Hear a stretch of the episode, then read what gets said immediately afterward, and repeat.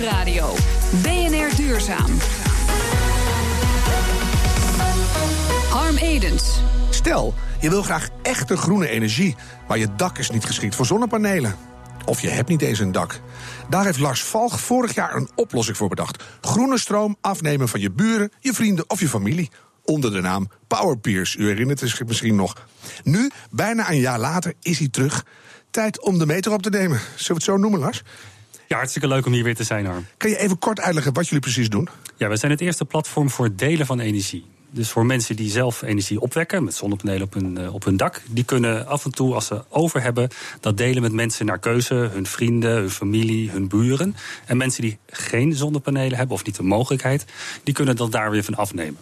En dan krijg je een stroom. Een netwerkje. Een netwerkje, wat altijd fijn is bij stroom. Vorig jaar zei jij dit. Het kan heel groot worden. Echt een serieuze bijdrage aan het vergroenen van de er zijn nu al partijen in, het buitenland die hier naar aan het kijken zijn. Ja. Maar laten we eerst maar eens even de eerste klanten heel erg. eh, eh, nou, heel erg tevreden maken. Ja. En met die klanten het platform verder ontwikkelen met elkaar. Dit is inderdaad van onderop. Wij bieden alleen maar een platform. En enabelen eigenlijk iedereen om mee te doen. En laat het maar gebeuren. En eh, nou, wij zijn erbij en eh, we kijken er heel erg naar uit. Ja, hoe is het gegaan? Hoe tevreden zijn de eerste klanten? Zeer tevreden. En wat je ziet is dat ze inderdaad eh, steeds meer ideeën ons, eh, ons, ons aandragen. Ehm, en er zijn nog steeds meer partijen die zeggen van... hé, hey, wij hebben een eh, schooldak, wij willen graag daar zonnepanelen op leggen... samen met de ouders van de kinderen die op school zitten. Bijvoorbeeld hier in Amsterdam. En door de week gaat daar alle energie naartoe. En in het weekend, als de school niet bezet wordt... dan kan die energie weer naar de ouders toe van de kinderen. En vice versa. Je klonk Dus heel enthousiast vorig jaar. Als je, als je naar terugkijkt, hè, was het een, een makkelijk jaar? Ging het voorspoedig? Of was het ook zwaar? Zeer zwaar. Ja, Je zeer zwaar. straalt erbij en je zegt zeer zwaar. Ja, dat is ook een beetje een uitdaging. Kijk, we le- verleggen hier grenzen. Hè. We willen die energietransitie versnellen met elkaar. Met een totaal nieuw concept, totaal nieuwe technologie, wat nog nergens in de wereld eh, gedaan is. Dus dan loop je tegen allerlei grenzen aan. Eh, en dat maakt ook juist de uitdaging. En Mhm. Noem dat maakt zo'n grens waar, waar- wat je Nou, zegt, om- oei. nou, om je een voorbeeld te geven, er zit heel veel technologie achter. Ehm, zoveel technologie dat we echt met miljoenen en miljoenen records per dag rekening moeten houden van allerlei eh, bronnen en klanten. En die zitten allemaal in een netwerk. En dat moet wel zeg maar, per minuut of per 15 minuten verdeeld worden eh, op real time. Eh, dan kan je je voorstellen dat dat nogal wat technische uitdagingen heeft. Maar, Ja, enorm veel data natuurlijk. heel veel data. En er kost heel veel stroom ook, maar laten we het daar niet over hebben. dat valt heel erg mee, gelukkig. Hoe groot zijn jullie ondertussen? Nou, we groeien met, zonder echt marketing met honderden klanten per week. Dus dat gaat vrij rap. Eh, toen ik hier een klein jaar geleden was, was het eigenlijk een soort van soft launch, als we dat zeggen. Mhm, Dat je vier klanten of zo, heel weinig. Nou, Veertien. Veel meer, maar... Maar je zegt eh, honderden klanten per week. Maar waar moet ik dan aan denken? Hoe groot zijn jullie ondertussen? Kijk eens naar de top 50 van, van energieleveranciers. Waar staan jullie? We, staan nog vrij, eh, we zijn nog vrij in het begin. We staan er wel, eh, dan nog wel even onderaan. Maar we groeien denk ik wel heel hard. Maar tienduizenden klanten, honderdduizenden. Nou, daar ga ik nu geen uitspraak over doen. Nee, maar duizenden, duizenden. Duizenden. Ja. Maar wat, is dat gevoelige bedrijfsinformatie? Vind ik wel. Ja, ik denk wel dat. eh, en het gaat ons vooral om de kwalitatief waarde van de klanten en daarmee te leren. En we zien dus steeds meer ook prosumers, dus mensen die zelf opwekken. Daar zien wij een oververtegenwoordiging bij ons. Het lijkt me juist zo leuk als je nu zegt, nou, we zitten de honderdduizend naderen wij. Dat lijkt mij zo'n stimulans om voor ons allemaal te zeggen, oh, dat willen wij ook. Nou ja, kijk, wat je ziet is dat de, dat de klanten andere klanten gaan uitnodigen. Dus dat heeft een soort van netwerkeffect, wat eventjes tijd nodig heeft. Mhm. Wij zijn niet eh, in de markt om klanten te kopen, wat je ziet bij heel veel andere partijen. Wij willen echt van onderaf uh, hoogwaardige. Mhm. klanten op eigen kracht. En de kracht van onze klanten, die eh, meer in een viraal model wat we zijn. Op die manier willen we gaan groeien. Dus gewoon door hoogwaardige producten leveren. Dat is een betere insteek voor een nou, sustainable, een duurzame groei van een Hij bedrijf. zat eraan te komen. Ja, ja, zeker. Nou zeg je net, het, principe is, als je zelf te veel stroom hebt... dan kan je leveren aan eh, vrienden en kennissen in Ja. een netwerkje. Maar dan moet je wel genoeg buren of vrienden hebben... die ook stroom opwekken als je mee wilt doen. Eh, Doen er al genoeg producenten mee? Zeker, ja, honderden. En dat gaat binnenkort naar duizenden opwekkers. Want tegenover één producent, hoeveel afnames kan je, afnemers kan je daar Ja, dat ligt er een beetje aan. Meestal 1 op 5, 1 op 10. Eh, is een ideale mix. Nou, daar, daar zitten we nog niet helemaal aan. Dus dat is wel een, eh, een mix waar we nu eh, nou, voor aan het werk zijn. Ja. En eigenlijk de klanten onderling aan het werk zijn. Want Ja, die zijn anderen weer aan het uitnodigen. Om je een voorbeeld te geven is dat bijvoorbeeld het Tialf-stadion... ligt helemaal vol met zonnepanelen. Levert ook af en toe hè, extra over. Nou, schaatsfans die hebben dat dan weer afgenomen. Ja, ja. Een van de eerste schaatsfans was Rintje Ritsma. Maar die vond het zo leuk dat hij zelf ook zonnepanelen heeft. En nu kan je weer je stroom afnemen bij Rintje Ritsma thuis. Oh, dus op die manier erger, krijg ja. je dat netwerkeffect. En dat is hetgene wat we eigenlijk willen gaan doen. Als je nou Tial-stroom neemt thuis als eenvoudige vriezer, schaats je dan ook beter? Waarschijnlijk wel, ja. Ik denk het ook wel. Ja, zeker. Nou, nou hebben jullie vast uitgerekend hoeveel peers je nodig hebt, wil je een kloppend systeem hebben. Hoeveel zijn dat er ongeveer voordat je een minimale balans hebt? Dat je geen stroom meer hoeft toe te voegen aan het. Nou, wat, we, wat we gezien hebben, dat is daarom wel goed om zo'n soft launch te gaan doen. Dan kan je gewoon veel eh, meten. Is dat iets van 15 tot 30 procent door huishoudens onderling wordt uitgewisseld. En iets van 70 procent van een windturbine van een boer of een groter, eh, Grote opwekker. groter opwekker. ja, en wat wij, hè, wat wij nu eigenlijk willen is dat we het, het, het hele systeem vinden we nu een beetje oneerlijk in Nederland. Want nu zijn er maar een paar mensen, iets van 30, 40 procent, die een geschikt eigen dak hebben om ook zonnepanelen te nemen. Ja. Ehm, en die daar ook een financieel voordeel bij hebben. Hè, want die zijn na acht jaar terugverdiend. En wat we eigenlijk willen, is dat iedereen, ook al heb je het niet op je eigen dak, zonnepanelen kan kopen. En ook het financiële voordeel direct eh, zou kunnen hebben. Dus eigenlijk is ook een oproep wat wij willen gaan doen. Ook voor de, nou ja, voor de nieuwe regering, de Ja. formatie. Om, ehm, Ook als het niet je eigen panelen zijn en je neemt het wel ja, af, Ja, dan toch exact. Bijvoorbeeld, jij hebt denk ik geen zonnepanelen mogelijk op jouw dak. zie Of ik eruit jij- als iemand die geen zonnepanelen Nou, heeft. ik, ik verwacht het eigenlijk wel, maar heb jij het? Het mag niet, want ik woon in een monument. Ik ben ermee bezig hoor. Maar... Is dat niet zonde? Ja, maar ik heb dus ook op afstand. Ja.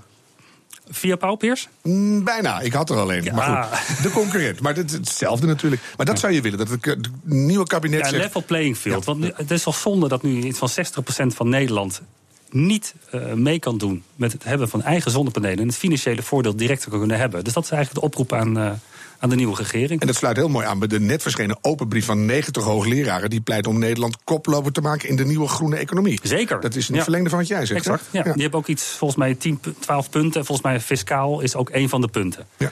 En die transitie, ja, die kan je van onderop natuurlijk veel groter maken. Als je zeg maar, nu het potentieel zou kunnen gebruiken van, van, van, van zo'n systeem, dan zouden er al 500.000 eh, mensen extra stroom kunnen hebben op hun eigen, virtueel hun eigen dak. Je houdt het vaag, hè? Ik dacht Ja. van minstens 500.000, dus, maar we Nou ja. het nog steeds. Jij had het vorig jaar over een stap naar het buitenland. Toen dacht ik van, en zelfs nu nog, dat lijkt me lastig als je het binnenlands nog niet helemaal op poten hebt. Maar hoe staat het ermee? Ehm, nou ja, de, primaire, de primaire insteek is om gewoon het, het platform verder te ontwikkelen met onze klanten. En in Nederland gewoon een heel mooi attractief product te hebben. Wat, waar, waar klanten onderling eh, andere klanten bij uitnodigen om mee te doen. Is het buitenland al eh, op de stoep? Ehm, ja, in de zin van dat er zeker sinds eind 2016 eh, best wel heel veel energiebedrijven uit heel veel delen van de wereld eh, naar ons toe zijn gekomen in ons ja, zeg maar, anti-kraakpandje in Amsterdam. Om te vragen: kunnen wij jullie software misschien in licentie afnemen? Aha, dus jullie worden eigenlijk steeds meer een techbedrijf in plaats van een stroomidee. Ehm, daar lijkt het wel een beetje op, eh, op uit te draaien. Blijkbaar hebben we toch iets neergezet waar, waar heel veel in de wereld over gesproken wordt binnen de energiesector dan. Ehm, en is er interesse? Dus we zijn aan het kijken. Eigenlijk was dat altijd wel het doel, later. Maar dat komt, moment komt misschien wat sneller dan. Dat zeg je eh, natuurlijk nu, omdat het zo uitpakt. Maar een hele mooie ontwikkeling natuurlijk. Het is een hele mooie ontwikkeling, maar vooral een hele mooie ontwikkeling voor, eh, voor onze aarde. Ja, als we het toch hebben over duurzaamheid, ja, ja, Ja. Dan is dit wel hetgene. Kijk, als we die energietransitie bottom-up kunnen, kunnen stimuleren, accele- accelereren met middels een platform wat persoonlijk is, traceerbaar is, schoon is, leuk is, Dan mag het de hele wereld in. wat mij betreft wel. Dankjewel, Lars Valg van Powerpeers. BNR Nieuwsradio. BNR Duurzaam. Zij aan zij, zeilen zij over de wereldzeeën.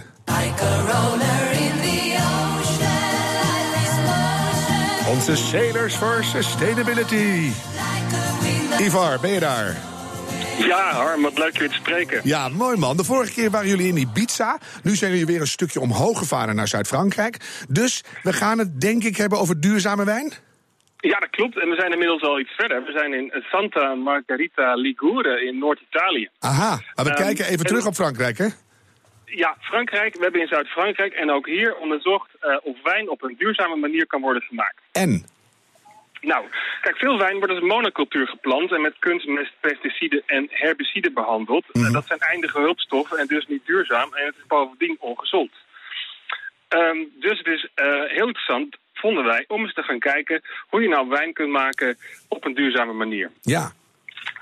En ehm, ja, dat, dat is denk ik best gelukt. Wij hebben eh, verschillende wijnmakers bezocht die zonder al die hulpstoffen um, wijn maken, maar zon, uh, met, met gebruik uh, te maken van de natuur. En de sleutel tot succes uh, is om de bodem gezond te houden en zo de planten gezond te houden. Aha, en heb je het dan over producenten die nog wel iets van volume halen, of zijn het allemaal piepkleine biologische wijnboertjes? Ja, we hebben, we hebben relatief kleine tot middelgrote bedrijven bezocht. Um, nog geen hele grote, maar wellicht komt dat nog. Maar wat wij zo interessant vonden, uh, is dat, en dat is een hele studie, uh, ook je, je, kan je verdiepen in permacultuur en natuurlijke methoden, -hmm. maar aan alles is gedacht.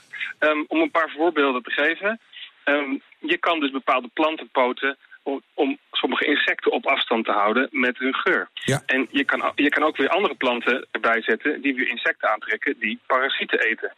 Of je kan vogels gebruiken om insecten en slakken te eten. Dus het wordt eigenlijk um, een heel ecosysteem wat je opzet om het duurzaam te kunnen telen. Juist, precies. En wat wij zo interessant vonden, was dat al die drie bedrijven in Frankrijk um, heel duidelijk andere redenen hadden om biologisch te gaan boeren. -hmm. um, we waren bijvoorbeeld bij het klooster, waar de nonnen uit religieuze overwegingen um, ja, door de natuur geen schade toe te willen brengen, op deze manier telen. Ik ben ineens dol op nonnen. Wie nog, wat nog meer? Ja.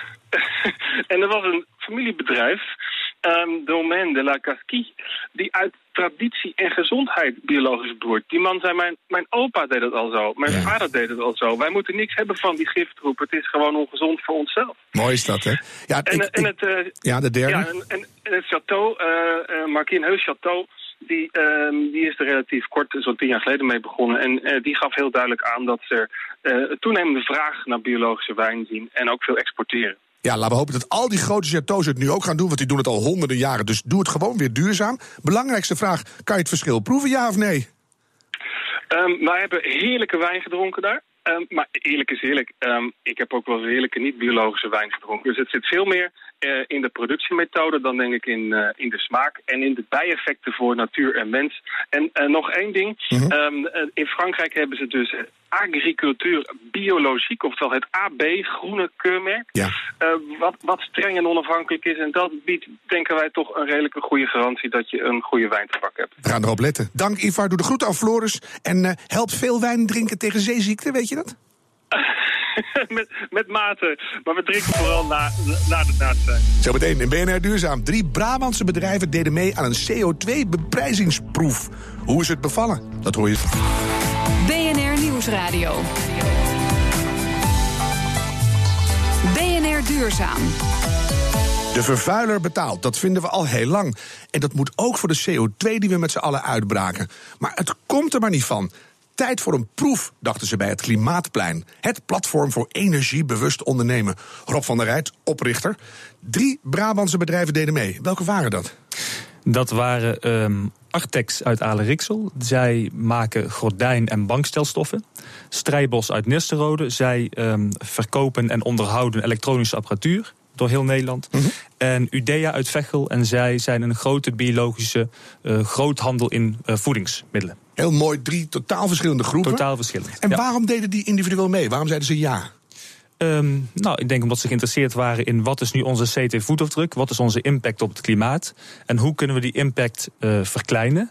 Uh, maar wat gaat dan ook toekomstige CO2-beprijzing betekenen voor onze bedrijfsvoering? Ja, want dat is het idee wat erachter zit. Er gaat een moment komen, dan komt er een serieuze CO2-beprijzing. Zullen, ja. we, zullen we daar beginnen? Je hoort nu vaak de CO2-prijs per ton is veel te laag. Mm -hmm. En door die lage prijs voelen bedrijven zich niet uitgedaagd om hun uitstoot naar beneden te brengen.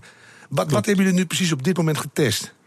We hebben een prijs van 100 euro per ton CO2 getest. En dat zou de prijs nu moeten zijn om de klimaatdoelstelling van Parijs te halen. Dus onder de 2 graden temperatuurstijging blijven. Dat is ook in heel Europa afgesproken. Dat zou de prijs moeten zijn. Dat zou, nou ja, dat, dat is niet Europa. Dat is volgens onderzoek is dat, dat mm -hmm. de prijs moeten zijn. 100 euro per ton.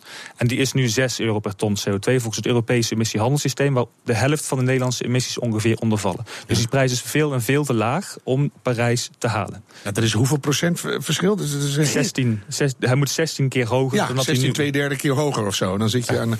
Ja, jeetje, Mina. En, en wat had dat, toen je dat ging doorrekenen voor die drie bedrijven, voor gevolgen? Nou, dat, dat zijn best wel grote bedragen. We kwamen bij uh, een van de deelnemers uit op 350.000 euro per jaar... die ze zouden moeten betalen aan CO2-afdracht. Maar de uitdaging zit hem dan natuurlijk erin... om met z'n allen die CO2-belasting te gaan ontwijken... door eh, zonnepanelen te leggen, energie te besparen, beter te isoleren, anders de mobiliteit in te richten, noem maar op. Dat moet de uitdaging worden. Wat je bedoelt, als je die CO2 serieus gaat beprijzen, dan kan je ondertussen gaan kijken van hé, hey, waar komt die CO2 vandaan en, en hoe kan ik zorgen dat het minder wordt? Want dan betaal ik uiteindelijk ook minder. Juist. Ja, ja, dus jouw CO2-belasting moet naar nul. En dat kan. wat we gedaan hebben is, we hebben die CO2-voetafdruk van die organisaties berekend. Wat verbruiken ze aan stroom, gas en brandstofverbruik? Daar komt dan een CO2-voetafdruk uit voort. We hebben gekeken, wat kun je dan doen per uh, uh, ja, energiesoort om daarop te gaan besparen. Dus eerst hebben jullie gezegd, nou als we serieus CO2 gaan beprijzen, dan ga je dit betalen. Ja. En ik, ik zag inderdaad 310.000 voor Artex, maar voor Strijbos ging dat ook naar 60, eh, 70.000 euro. En Udea ging 314.000. Enorme bedragen voor gemiddelde bedrijven. Dus niet multinationals of zo. En toen zeiden jullie, we, we geven jullie een CO2-scan. En dan gaan we eens kijken hoe het zit. Ja. Kan je de belangrijkste conclusies uit de CO2-scan omhoog halen voor die drie bedrijven? Waar zaten de grootste productiefactoren? Eh, ja, dat is, omdat de bedrijven dus zo divers waren, was die voetafdruk ook bij iedereen anders. Artex verbruikt heel veel gas om daarmee eh, de gordijnstoffen te drogen. Uh, Udea vervoert heel veel biologische levensmiddelen naar de winkels. Dus die hebben een heel groot, heel groot dieselverbruik. dus dan zie je dat die CO2-voetafdrukken ieder, ja, bij ieder bedrijf anders zijn. En dat dus bij ieder bedrijf ook andere maatregelen nodig zijn om die CO2-voetafdruk te verkleinen. En wat voor maatregelen bijvoorbeeld? Want als je naar, naar zo'n gordijnstofproducent kijkt, er is tegenwoordig een zeer duurzame manier om droog te drukken, droog te kleuren. Infrarood. Uh, bijvoorbeeld. En dan zou je dus een heel nieuw productieproces moeten omarmen. Ja. Was dat al zo dichtbij? Werd dat al zichtbaar? Nou, dat, dat is dus wel besproken. Dat kwam wel in die testcase naar, naar boven. Van, goh, zou infrarood uh, niet een manier kunnen zijn... maar dan moet het wel dezelfde kwaliteit hebben natuurlijk. Zo'n bedrijf heeft ook eisen en de klanten mhm. hebben eisen. Maar dat zijn dan wel dingen die, waarvan de terugverdientijden veel korter worden... als je een prijs op CO2 zet. Ja, nou zei je net, uh, Udea is een groothandel achter biologische winkels zoals Ecoplaza. De vrachtwagens kunnen voorlopig niet zuiniger, dat hebben ze al geprobeerd al. Maar een hoge CO2-prijs zorgt wel voor andere maatregelen, zegt Steven IJzerman van Udea. We zijn al ons aan het oriënteren eventueel op uh, een nieuwbouw van ons pand. en daarin willen we natuurlijk meteen dit soort ontwikkelingen meenemen om te zeggen van oké, ja, wat hebben we zeg maar, bij het oude pand nog qua negatieve impact op de CO2, wat we in het nieuwe pand eventueel niet meer uh, nodig kunnen hebben. Dus daarna kunnen we dan meteen uh, heel goed doorontwikkelen. Dus zover gaat het. Ja. Je, je, geeft een bedrijf een simpele CO2-scan. Is het trouwens ook heel duur of valt het mee? Uh, hij werd door de provincie Noord-Brabant uh, uh, gesubsidieerd. Gratis voor niks in dit geval. Ja, maar normaal is het natuurlijk ook wel weer een investering. Hè? Tuurlijk, ja. Een organisatie kan gewoon. Er zijn heel veel bedrijven in Nederland die CO2-voetafdrukken voor je kunnen berekenen. En die jou kunnen laten zien waar je kunt besparen om die CO2-voetafdruk naar nul eh, te brengen. En dat was ook het leuke van deze testcase. Door aandacht te geven aan uh, het meten van je CT-voetafdruk, mm kwam het ook on top of mind bij het management. En werden dus uh, het low-hanging fruit, wat normaal gesproken al heel makkelijk geplukt kan worden, gaat dus nu daadwerkelijk geplukt worden. Dus daar gaat LED-verlichting worden geplaatst. Er is een offerte aangevraagd voor zonnepanelen. iemand gaat over van grijs gas naar groen gas. Simpele dingen doe je eerst, maar ja. doe ze dan ook, zeg maar. Ja, en als je dan toch, als je kijkt gaat naar, lang, naar lange termijn investeringen, dan moet een prijs CO2 er komen. Uh, om die grote omslag mogelijk te maken. Even terug naar, naar Udea. Uh, Zo'n grote aanpassing dat je al gaat kijken naar in de nieuwbouw, gaan we alles heel anders doen. Dat zijn, dat zijn hele fundamentele dingen, net als bijvoorbeeld een andere manier van gordijnen maken. Ja. Zo fundamenteel zijn jullie dan bezig? Ja, klopt. Ik kan me voorstellen dat het voor bedrijven ook beangstigend is. Ja, maar het, het, ja, weet je wat nog veel beangstiger is? Is als straks uh, de aarde op is gewarmd met 2 graden Celsius. Eens kijken wat we dan voor wereld hebben. Dus het is veel, sim, veel simpeler en veel economisch gezien ook aantrekkelijker om nu vast die stappen te zetten. En nu vast grondig je productieprocessen aan te passen. Zodat we uh, in de toekomst uh, ja, grotere schade aan economie en ecologie gaan voorkomen. Ja, nou was dit allemaal nog fictief. Het was een proef en de test was gratis, of de scan. En de beprijzing is er nog niet. In Brussel gaan er steeds meer stemmen op om die CO2-prijs echt te verhogen. Wanneer gaan we dat nou echt meemaken, denk jij? Um, nou ja, wat mij betreft zo snel mogelijk. We zijn nu bezig met een kabinetsformatie. GroenLinks, uh, VVD en, en die andere twee. Zie jij het gaan lukken trouwens? Um, ja, ik hoop van wel. Kan Jesse naar huis met een goed verhaal? Um, op, op Planet wel. Op People wordt het misschien wat lastiger. Want uh, op Planetgebied heeft hij VNO-NCW mee. Heeft hij vandaag weer 60 hoogleraren mee. Eigenlijk is heel Nederland wil het wel groen hebben. Mm -hmm. Maar op inkomensongelijkheid wordt het misschien wat lastiger. Ja. Um, en nou zei ik net van wanneer gaan we die CO2-prijs krijgen. Toen zei jij heel terecht wat mij betreft zo snel mogelijk. Wat ja. mij betreft ook. Wat Lars betreft ook. Maar wanneer komt hij er nou? Het is zo voor de hand liggend, maar het gebeurt niet. Ja. Ja, daar zitten toch politieke. Kijk, je moet, met Europa moet je afspraken maken. Polen heeft zijn, zijn steenkoolmijnen, die willen ze natuurlijk open houden. Ja. Uh, dus uh, ja, Polen. Maar er zijn in Nederland wel maatregelen die je vast kunt nemen. Hè? Dus je kunt zeggen van we gaan het energiebelastingssysteem systeem aanpassen. Het is in Nederland nu zo dat hoe meer je verbruikt aan stroom en gas, hoe minder energiebelasting je betaalt. Met een factor 155. Hè? Dus een slager op de hoek betaalt 155 keer hoger tarief dan een raffinaderij die drie uh, straten verderop ligt. Super niet solidair. Dus als je daar was mee begint met het aanpassen van die energiebelastingen voor zowel stroom en gas, dan worden de terugverdientijden van energiebesparende maatregelen veel korter. En uh, ja, kun je vast op nationaal gebied wat maatregelen nemen. En dan lopen we Europees niet compleet uit de pas. Dat kunnen we gewoon veilig doen. Wat jou ja, maar als, ja, tuurlijk. Als je ermee de, de, de, de kosten van arbeid verlicht. Dus je gaat gewoon milieu belasten, wat heel logisch is. En je gaat arbeid minder belasten, wat ook heel logisch is. Dan, heft dat, dan compenseert dat elkaar. Ja, en ga eens door in datzelfde straatje. Wat voor maatregelen. Want ik hoor iedereen denken nu thuis, zeker bij MKB. Van ja, uh, ik wil dat allemaal wel doen. Maar ik ga eerst wachten tot die beprijzing er echt is. Zijn er nu al dingen die je kan doen om voorbereid te zijn op echt een CO2-beprijzing? Nou, er zijn nu wereldwijd al duizend bedrijven die werken met een fictieve prijs op CO2. En die nemen dat mee bij hun uh, investeringsbeslissingen. Bij, op, he, dus dan gaat het om, niet om het vervangen van, van lampen, maar om echt productieprocessen. Maar dat zijn vast de grotere bedrijven. Ja, dat klopt. Dat zijn nu, tot nu toe de grote bedrijven. Wat kan het MKB doen? Nu al. Het MKB kan zijn CO2-voetafdruk berekenen. Dat kan bijvoorbeeld via het klimaatplein, klimaatplein.com, CO2-calculator, bereken je voetafdruk daar gratis. En kijk wat jouw voetafdruk is, vermenigvuldig dat maal 100 per ton CO2. En dan weet je wat jij moet gaan betalen. Tegen de tijd dat die beprijzing komt. Ja. Maar wat kunnen ze nu al doen? Ja, besparen. Krijg inzicht in je energieverbruik en ga besparen. En, en die, die, die tips om te besparen en om duurzaam opwekken... die zijn ook te vinden op het klimaatplein, maar die zijn overal te vinden. Eigenlijk weten ondernemers al lang wat ze kunnen besparen. Het dus moet gewoon even on top of mind komen. Het moet prioriteit worden. En ze moeten gewoon beginnen. En ze moeten gewoon beginnen. Ik denk dat dit helpt. Dankjewel. Rob van der Rijt van het Klimaatplein. BNR Nieuwsradio. BNR Duurzaam. Rest mij nog één. Laatste vraag. Die gaat deze week over oesterzwammen. En zelfs daar hebben ze reststromen. Wat moeten ze ermee? Redacteur Daan Merceles, voor de laatste keer, sprong pardoes in de schimmels.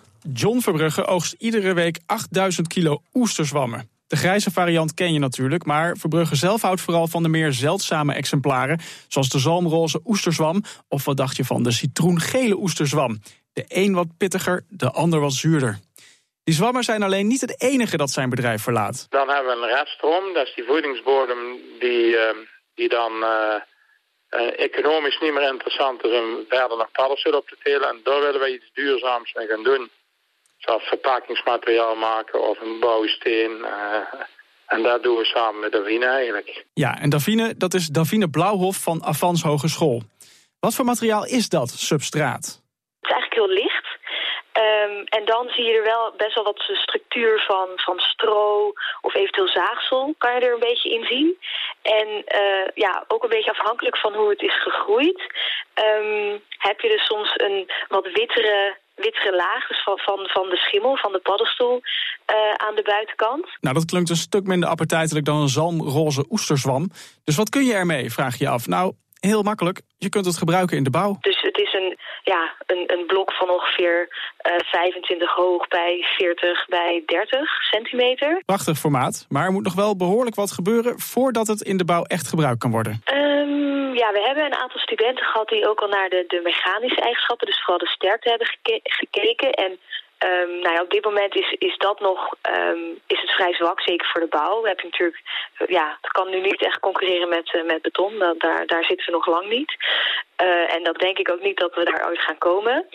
Uh, maar het is zoals wat ik net al zei, het heeft veel ingesloten lucht. Dus ik denk zeker dat het voor akoestische en thermische eigenschappen heel goed zou kunnen werken. Misschien dat Verbrugge straks dus niet alleen delicatessen levert aan restaurants, groothandels en andere lekkerbekken, maar dat hij ook isolatiemateriaal levert aan concertzalen, radiostudio's en milieubewuste huizenbouwers. Al zal het nog wel even duren voor het zover is. We zitten nu nog in een vrij vroeg stadium, dus ik denk dat dat zeker nog wel ja, nog wel tien jaar zal duren hoor, voordat dat echt, echt helemaal goed op de markt en veel geïntegreerd zou worden. Tien jaar? Wacht, ik zet het even in mijn agenda.